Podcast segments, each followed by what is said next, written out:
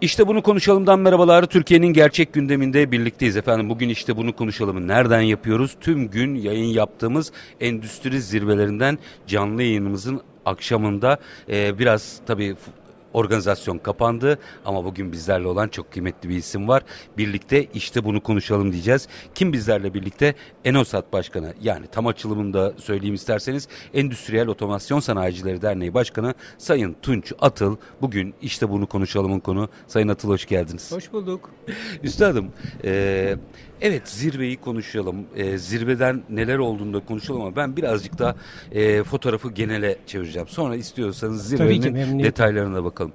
E, otomasyondan endüstriyel otomasyona geçtik. Ondan sonra bir dijitalleşme geldi. Üzerine sürdürülebilirlik ilkeleri geldi. E, adına Endüstri 4.0 deyin, dijitalleşme deyin vesaire. E, ve şimdi hızla yeşil bir ekonomiye doğru giden ama verimliliğin esas alındığı bir fotoğrafla karşı karşıyayız. Bütün bu süreci böyle ben böyle biraz kronolojik olarak dizdim ama... Ama çok güzel dizdiniz. Var olun. Siz bize açın. Nereden nereye geldik ve ne noktadayız?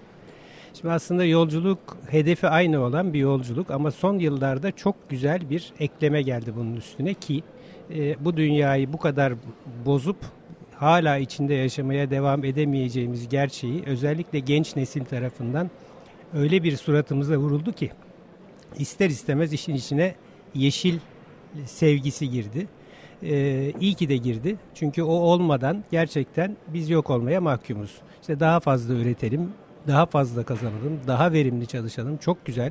Şirketler büyümek zorunda. Ancak büyüyerek yatırım yapabiliyorlar. Ekonomiye kazanç sağlıyorlar ve e, varlıklarını sürdürebiliyorlar. Buraya kadar tamam ama bunu ne pahasına olursa olsun yapmak ve e, doğayı göz ardı etmek bize ceza olarak geri dönüyor. İyi ki bizden sonraki nesiller dediğim gibi bunu Daha bize öğretti. O duyarlılık da öğretti. Ve bu yollar çizildi. Şimdi Metazori herkes bu yola giriyor. Keşke biz bundan yıllar önce kendiliğimizden bu yola girmiş olsaydık. Tabii ki büyümeye devam etseydik. Tabii ki yatırımlarımızı verimlilik üzerine kurgulasaydık ama bunu yeterli görmeyip yeşile saygıyı ihmal etmeseydik. Neyse nereden başlasak kardır. Hocam ama orada değil. da bir şey açmam lazım. Hazırda e, bu konuda duyarlılığı kanıtlanmış bir isim varken karşında. E, şimdi yeşil boyama diye de bir şey çıktı. Çünkü bir yerde yeşil ekonomi e, oluşmaya başladığı anda yeşil boyama. Bu sadece Türkiye'de değil. Avrupa Birliği bu konuyla ilgili çok sert tedbirler getirmeye hazırlanıyor. Yani diyor ki hayır samimi olun. E, evet yeşil ekonomi e, doğaya saygı ama bu, bu bir reklam malzemesine dönmemeli. E, hazırda bunu hiçbir zaman reklam malzemesi yapmamış ama bu konular yokken bir yeşil fabrika kurmuş bir isme bunu sorabilirim. Sanıyorum Türkiye'de en rahat size sorabilirim. Çünkü Teşekkür bu kuralların hiçbiri yoktu.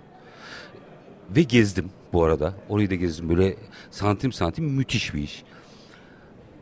Niye samimi olmalıyız bu konuda? Biraz bu işi buradan açalım mı? Siz o zaman ne gördünüz?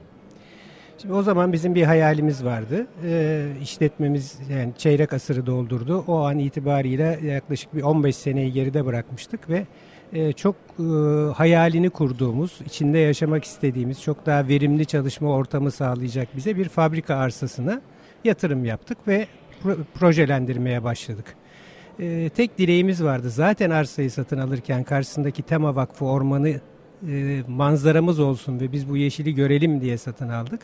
E, doğa dostu, çevreci bir yeşil fabrika yapmak gibi bir arzumuz vardı ama bunun ne teknik detayına hakimdik, ne inşaat mühendisiydik, ne de enerji uzmanıydık.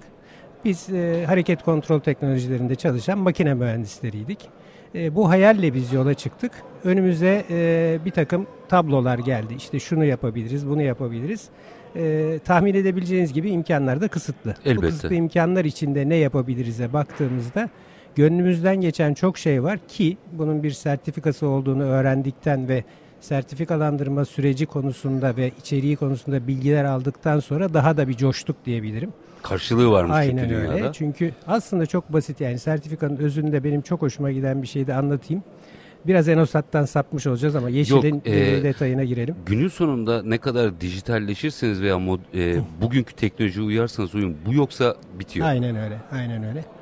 E, ard arda bütün bu araştırmaları yapıp önümüze bir plan koyduğumuzda baktık ki kendi kısıtlı bütçelerimiz içinde bunu yapmamız hemen hemen imkansız. Çünkü orada e, bir enerji yatırım maliyeti 3'e katlanıyor. Ha o sertifikayı biz bütün bu enerji yatırım maliyetlerine katlanmadan da alıyor muyduk? Evet. Çünkü gerçekten çok basit kurallarla bir bisiklet parkını oluşturmanız, otobüs durağını yürüyüş mesafesinde olmanız gibi basit önlemlerle de bu sertifikada puanlamada belli bir yere geliyorsunuz. Amaç çünkü e, gerçekten e, insana dokunan e, doğa dostu, sokmak aynen öyle o yolculuğa sokmak. İşte e, bir şeyler dürtüyor. Oraya girince devam etmek istiyorsunuz. Yapmışken daha iyisini yapmak istiyorsunuz. Çünkü bizim e, yaklaşımımızda şu var.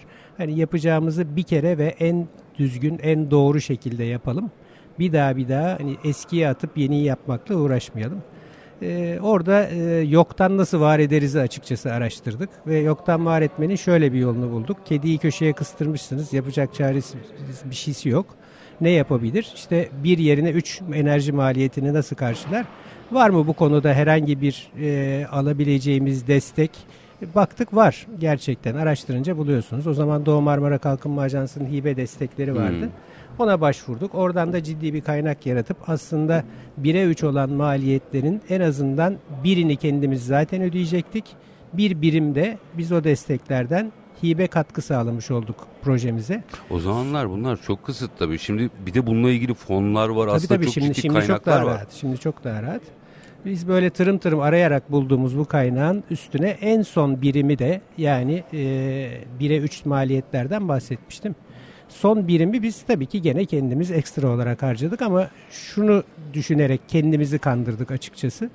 Dedik ki e, bu kendini 10-12 yılda geri ödeyecek bir proje. Onun için kimse el atmıyor, dokunmuyor ve yapana da bir garip bakıyorlar.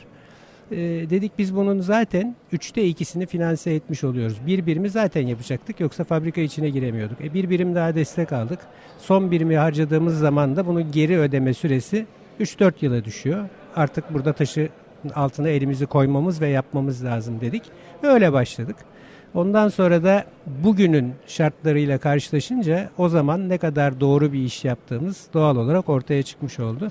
Bugün buna niyetlenenlerin e, aslında o yolculuğu gerçekten samimiyetle yürütmek isteyenlerin önünde de çok büyük olanaklar var. Çok. Dünya burada e, odaklandı, fonlar oluşturuyor, devlet teşvikleri daha çok gündeme geldi. E, bugünden yine birazdan dönüşümü konuşacağız ama bu konuyu burada e, en azından tamamlamak isterim. Bugünden e, o işi başarmış ve bugünden oraya bakan bir isim olarak ne önerirsiniz? Şimdi e, çare arandıkça bulunuyor. Yani e, bu imkansız, ben bunu başaramam. E, işte ekonomik değil, vazgeçelim. Bunlar en kolay, hı hı. Şey, kısa vadeli çözümler. E, ama nasıl yapabilirimi araştırırsanız mutlaka bir çözüm üretiyorsunuz. Biraz önce verdiğim örneği onun için detaylıca verdim. Yani ortada fol yok, yumurta yokken zaten biz bütün o yatırımın altından nasıl kalkılacağımızın kuruş hesabını yaparken biz buradan bir çözüm üretmeyi başardık. E bunu herkes başarabilir. Bu sıfır maliyet değinimi hayır değildi. Mutlaka bir maliyeti vardı. E yani hiçbir şey katkı sunmazsanız, hiçbir katkıda bulunmazsanız zaten olmuyor. En azından makul bir katkıda bulunarak bu projeyi gerçekleştirmenin çözümünü ürettik ve başardık. Onun için herkese önerim şu. Lütfen kendinizi çaresiz hissetmeyin. Problemlerin hepsinin kısmen de olsa çözümü var. Yeter ki istekli olun. E, müthişsiniz. E, bunları tabii detaylandırmakta fayda var. Şimdi minik bir araya gideceğim. E, aranın ardından işte bunu konuşalımın e, biraz da o dönüşüm ama dönüşümü mental olarak nasıl başaracağız? Ne noktadayız? O, o boyutlarını açmak istiyorum.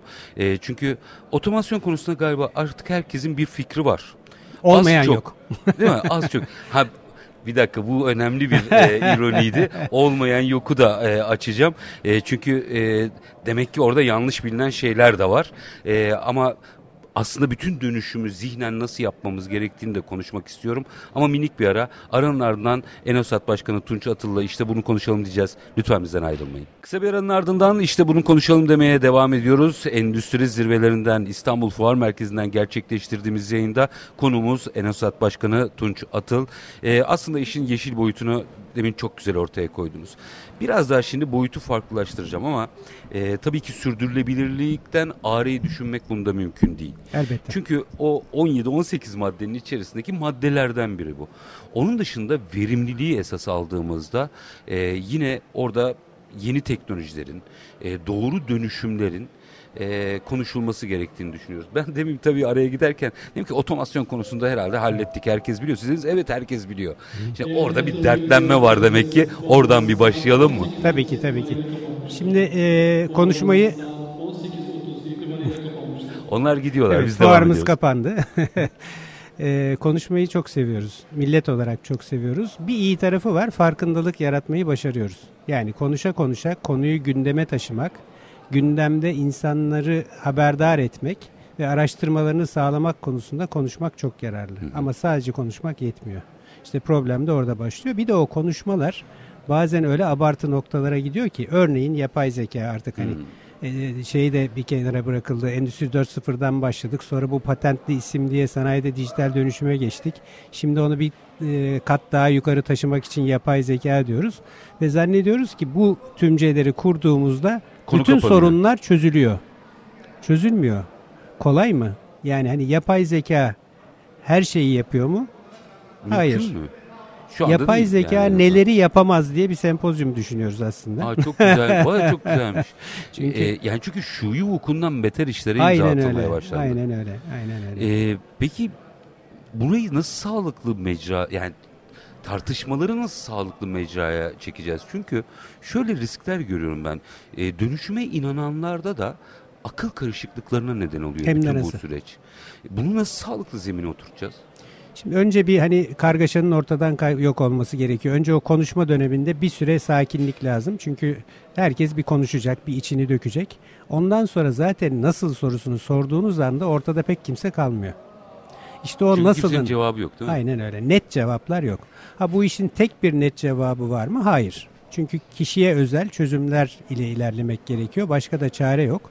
Ama nasıl sorusunu da havada bırakmamak gerekiyor. İnsanları ikna etmek gerekiyor. Bunun için de ben kişisel olarak hep şu yöntemi öne çıkarırım. Hani zorluklar karşısında başa çıkabilmenin yöntemi nedir? Problemi küçük parçalara ayırmak. O küçük parçalara ayırmanın yanında işte iş yaşamında aldığımız eğitimlerle öğrendiğim bir başka konuda öncelik sırasını doğru vermek. Pareto analizine göre önce bir problem nedir? Problemin parçaları nelerdir? Kaynakları nelerdir? Evet. Orada öncelik sırası nedir? Önem derecesi nedir? Ee, size en yüksek çıktığı sağlayacak e, konudan başlamak önemli ki bir e, motivasyon da olsun. Yani ben bir şey yaptım, bir yatırım yaptım, karşılığını aldım. Hemen ardından buradan gelecek kaynağı da biraz önce bahsettiğimiz kaynak olayını ilk başta yatırmaktan başka çareniz yok.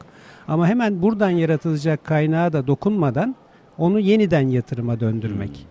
Bu döngü başka türlü oluşmuyor. Bu bizim e, kendi işimizde de böyle gerçekleşti. Yani şirket kendi kazancını üreterek tekrar yatırıma dönüştürerek büyüyor.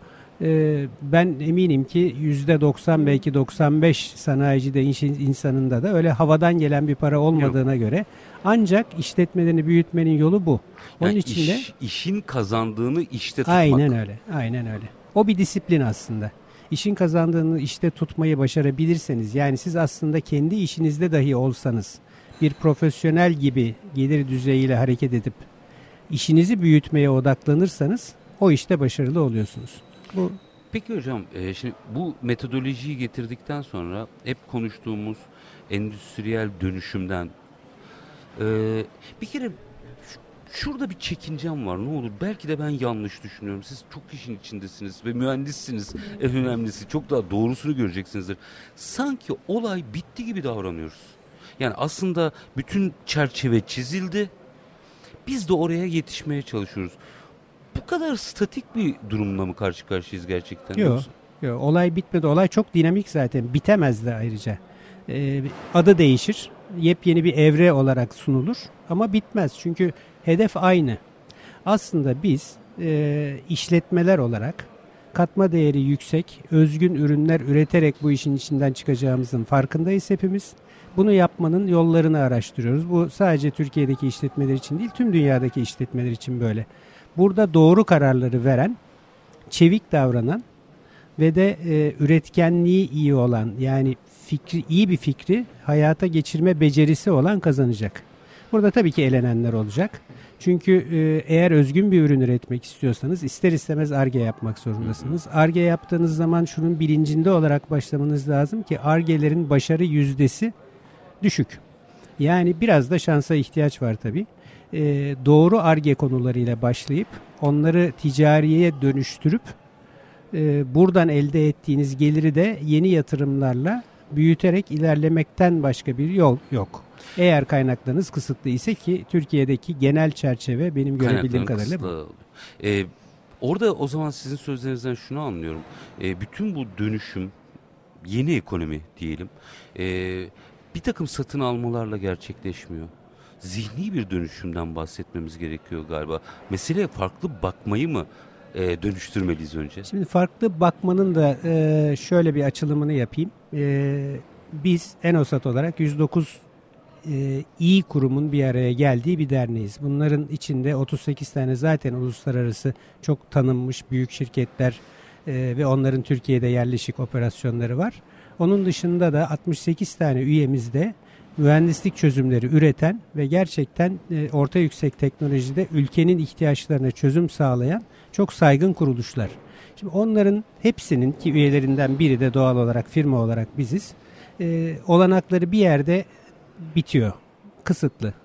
Ama şu açık işbirlikleriyle, ortak projelerle birbirlerine destek vererek birlikte proje alıp müşteri karşısında tek bir yüzde çözüm üreterek bunların üstünden gelmek mümkün.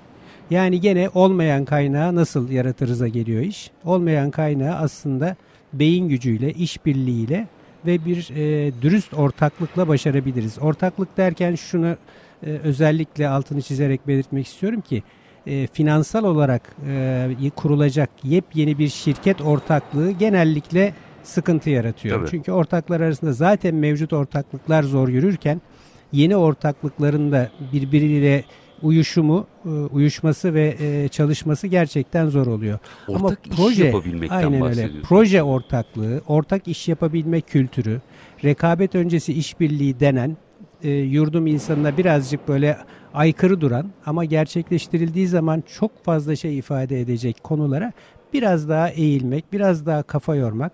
Bu mümkün değil değil, bunu nasıl başarabiliriz'i çalışmak bence e, katkı sağlayacaktır. Orada da galiba tabii meselelere aynı bakan e, yapıların elbette, bir araya elbette, gelmesi elbette. gerekiyor. Tabii e, bu Enesat'ta bahsettiğiniz işbirlikleri bence çok önemli. Yani bu yurt dışındaki işlerde de bence geçerli gidip bir iş alıp aslında o işin tüm parçalarını buradaki uzmanlarla birlikte yapabilmek. Tabii ki. Biz buralarda sanıyorum hep aksadık. Ee, tek tek iş almamaya çalış aldık hep. Aynen öyle. İşte e, hepsi benim kontrolümde olsun, ben yöneteyim deyince tıkanıyorsunuz. Oysa ki müşteri karşısında artık herkes birbirini tanıyor. Tabii. İnternet ortamında da hangi ismi öne çıkartsanız onun hangi işletmenin sahibi ya da ortağı olduğunu anında bilgi olarak ulaşabiliyorsunuz. Ve kimse aptal değil. Karşısına çıktığı zaman insanlar e, bir çözüm bekliyorlar. Yani bunda da tek e, özen gösterdikleri konu şu. Çözümü sunacak benim karşımda bir tane muhatap olsun. Ama o bir tane muhatap her konuda uzman olabilir mi? Hayır. Peki o bir tane muhatap yanında A firması olarak orada dururken B'yi C'yi de yanında getirse dese ki bakın bu firma B bu firma C. Biz ayrı tüzel kişilik deriz ama B firması şu konuda Türkiye'nin önde gelen firmalarından biri. C firması da şu konuda bizi destekliyor. Biz bir grubuz. Merak etmeyin sonuçtan ben sorumluyum A firması olarak. Herhangi bir sorununuz olduğunda bana döneceksiniz. B ve C sizle muhatap, muhatap olmayacak. Benim. Ama biz A, B, C olarak bir araya geldik. Bir işbirliği yaptık. Çünkü sizin projenizin tüm detaylarını çözebilmemiz için bizim böyle bir ortaklığa ihtiyacımız var. Biz sizin karşınızda bir ekibiz. Yani sağlıklı kümelenme dediğimiz şey tam da bu değil Aynen mi? öyle. Aynen öyle. Ee, Açık olmak, şeffaf olmak ve en iyileri bir araya getirerek doğru anahtar teslim çözümleri üretebilmek. Peki e, şimdi minik bir araya gideceğim. Hı hı. E, bunun yurt içi versiyonu nasıl olur, yurt dışı versiyonu nasıl olur? Bu soruyu biraz e, açmanızı rica edeceğim. Ama minik bir araya gidelim. Aranan çünkü en can alıcı nokta bu. E, birinin patron olması gerekmiyor. E, birlikte iş yapabilmek gerekiyor. Ama bunun yurt içi ve yurt dışı versiyonlarını sizin Tabii açmanızı ki, rica edeceğim. ki. Kısa bir ara aranın ardından endüstri zirvesinden e, konuştuğumuz işte bunu konuşalım dediğimiz e, programda Enosat Başkanı Tunç Atıl'la sohbetimiz devam edecek. Lütfen bizden ayrılmayın.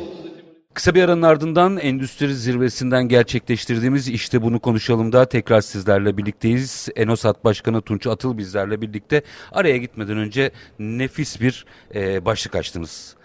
Aslında belki de herkesin kümelenme diye bildiği ama e, işbirlikleri meselesini ben daha çok seviyorum. Şimdi rekabet öncesi işbirliği tanımını ben ilk duyduğumda bana biraz itici gelmişti açıkçası. Nasıl olacak ki öyle bir şey diye ama olabiliyor. Çok kıymetli. Aynen öyle. Burada Ee, şunu sorayım. E, bu doğru işbirliklerini bir kere sağlıklı tutabilmenin yolu ne? İçte nasıl dışta nasıl şekillenmeli?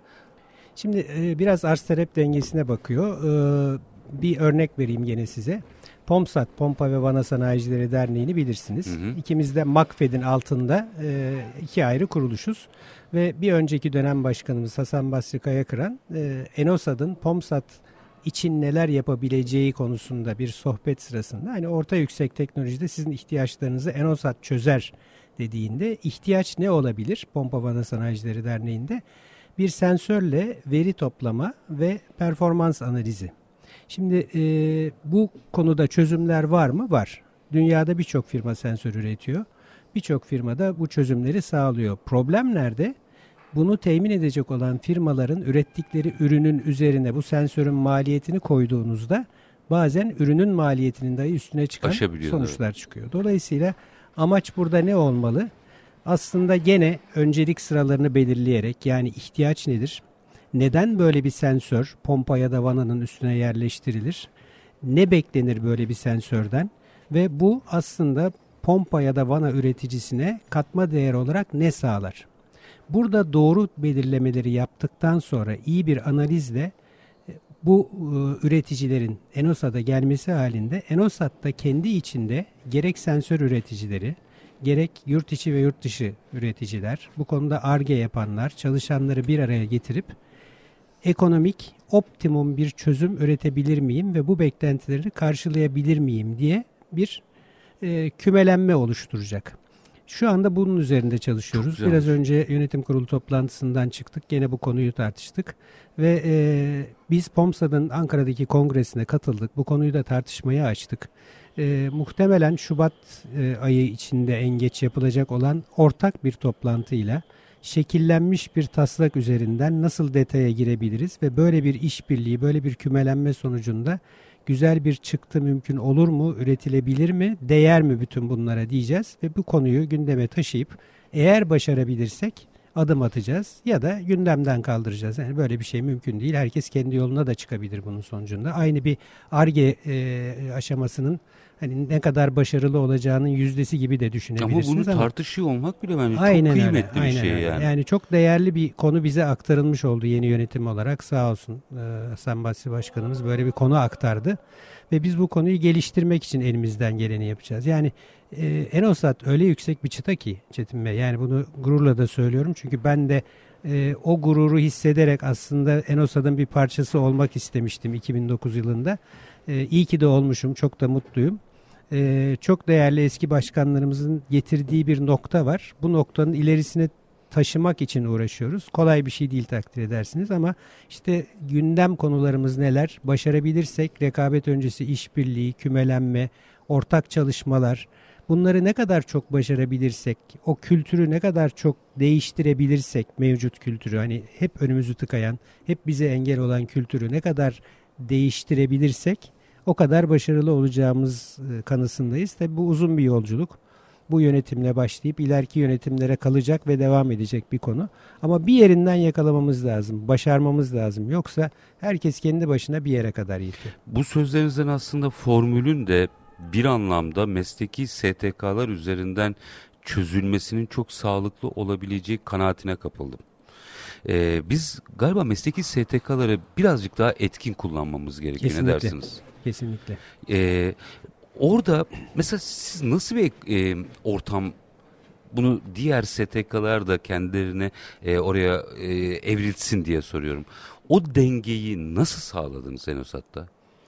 Şimdi Enosat'ta, Enteresan bir yapınız var evet, çünkü. Evet. Şimdi e, aslında kuruluş aşamasından başlayarak uluslararası firmalarla yerel mühendislik çözümleri üreten firmaların işbirliğiyle kuruluyor Enosat.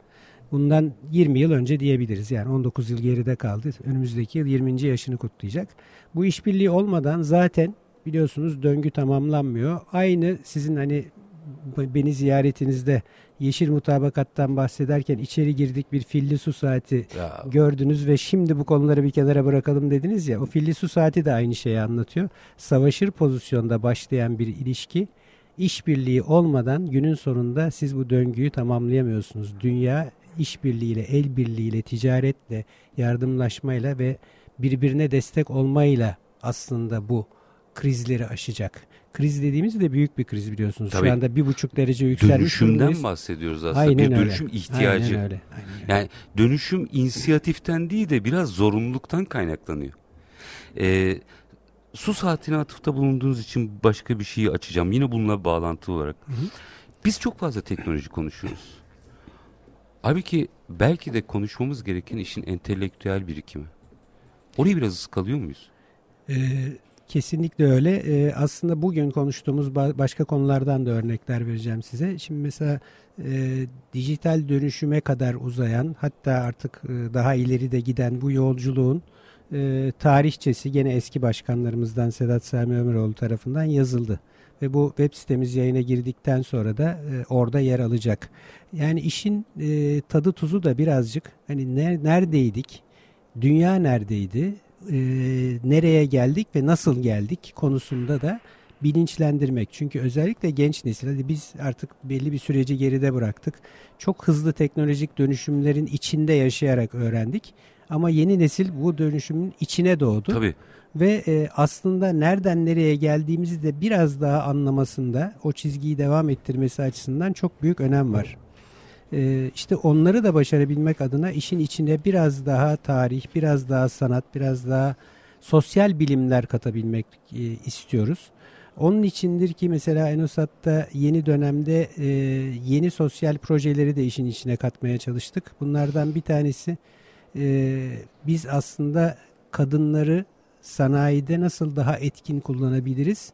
Özellikle mavi yakada, özellikle CNC operatörlüğü gibi son derece talebin yüksek olduğu ve de e, sıkıntı yaşanan bir konuda olmayan bir potansiyeli nasıl ortaya çıkarır, var ederiz Çok ve çalıştırabiliriz yaparlar. diye işte o projede mesela e, konudan konuya biraz atladık Yo, ama, ama bence çok önemli olduğu il, için ilintili bence bu konu. Ee, baktık ki bu konuda zaten çalışmalar var. Herkes bir şey yapmaya uğraşıyor. Son derecede saygı duyulan çalışmalar var. Ama e, her zamanki kriz burada da ortaya çıkıyor. Hep bireysel ve verimsiz çalışmalarda tıkanmalar olmuş. Biz bunu işbirliğiyle, el birliğiyle nasıl çözeriz diye başladık. E, işin içine e, Tezmaksan Fatma Hanım'ın faaliyetlerini koyduk ki ki Top Kadın girişimcilerde de aslında sanayide kadın projesiyle e, bu konuda çok güzel çok adımlar atmışlar. Evet. Çok güzel örnekler hazırlamışlar. Var olan harika bir çalışmaya niye biz başka yerden yürüyelim? Onlarla işbirliği içinde. Aynı şekilde Kocaeli Sanayi Odası'nda bu işin içine katarak ve de e, olay nereden nereye geldi? Bütün bu konuşmalar yapılırken herkes fikirlerini beyan eder ve bir şeyler e, katkı sunmaya çalışırken e, Dilovası İMES OSB Mükemmeliyet Merkezi'nin bu konuda Doğu Marmara Kalkınma Ajansı'nın aldığı bir projeyle kadınlar ve gençler için e, eğitim verme konusunda bir fon yarattığını, bir destek yarattığını öğrendik. Hemen el ele verdik. Ve e, bu projede biz 60 tane kadına CNC operatörlüğü aslında e, aslında 3 ayrı koldan gidilseydi belki de üç iyi niyet yarım kalacaktı. Aynen öyle. Burada iletişim ve birbirinden haberdar olmak, konuşmak çok önemli değil mi? Hem de nasıl işte buradaki e, Olcay Bey bu e, komisyon üyelerinden bir tanesiydi. Ben bu projeyi en son bir yere geldikten sonra işte e, Mükemmeliyet Merkezi'nden Deniz Bey'den bu haberi alıp onunla paylaştıktan sonra pes diyorum Tunç Bey dedi. Yani hani bütün oklar geldi bir yerde birleşti. Dedim ki şans ama şans da hazırlıklı olana geliyor. En güzel söz oydu bence. Şans ancak hazırlıklı olana gelir. Meselelere doğru bakmamız gerekiyor. Süren bitti ama e, sizden bütün bu yolculuğun içerisinde ortaya koyduğunuz e, işin teknik tarafını da konuştuk, felsefi tarafını da konuştuk. Buradan e, tüm dinleyicilerimize bir tavsiye almak isterim. Ama şöyle dijitalleşin, böyle dijitalleşin tavsiyesi değil. Meseleye bakarken kendilerini engelleyen neyi bozsunlar tavsiyesi almak isterim. Önce bardağın tabii ki bir yarısı dolu yarısı boş. Bu her konuda böyle. Bardağın boş tarafına bakarsanız veya bir işin nasıl olmayacağını araştırırsanız o kadar kolay bahaneler üretiyorsunuz ki hemen karar belli yani. Hayır henüz hazır değiliz. Daha sonra yapalım. Ekonomik değil. Çözemeyiz. Bizim için uygun değil. Bunlar çok kalıplaşmış klasik söylemler. Nasıl başarırız tabii ki kolay değil ama nasıl başarırızı asılırsanız ve bu konuda çaba gösterirseniz mutlaka karşınıza yollar çıkıyor. Sayın Atıl çok çok teşekkür ediyorum. Ben çok teşekkür keyifliydi, zihin açıcıydı. Sağ olun. Ee, fuarımız kapandı. Zirvemiz kapandı. Sayın Tunç Atıl bizleri yalnız bırakmadı. Bugün işte bunu konuşalım dedik. Ee, biz fuar kapandıktan sonra da işte bunu konuşalım buradan yapıyoruz. Bugün bizleydiniz. Çok kıymetli bilgiler aktardınız. Çok teşekkür ediyorum efendim. Estağfurullah arada da çok keyifli sohbetler yaptık onu duyamadı kimse. Evet onlar da bize kalsın. Biz her zaman e, bence Sayın Atıl'ın da demin sadece o kadın istihdamı ile ilgili de baktığınızda konuşun.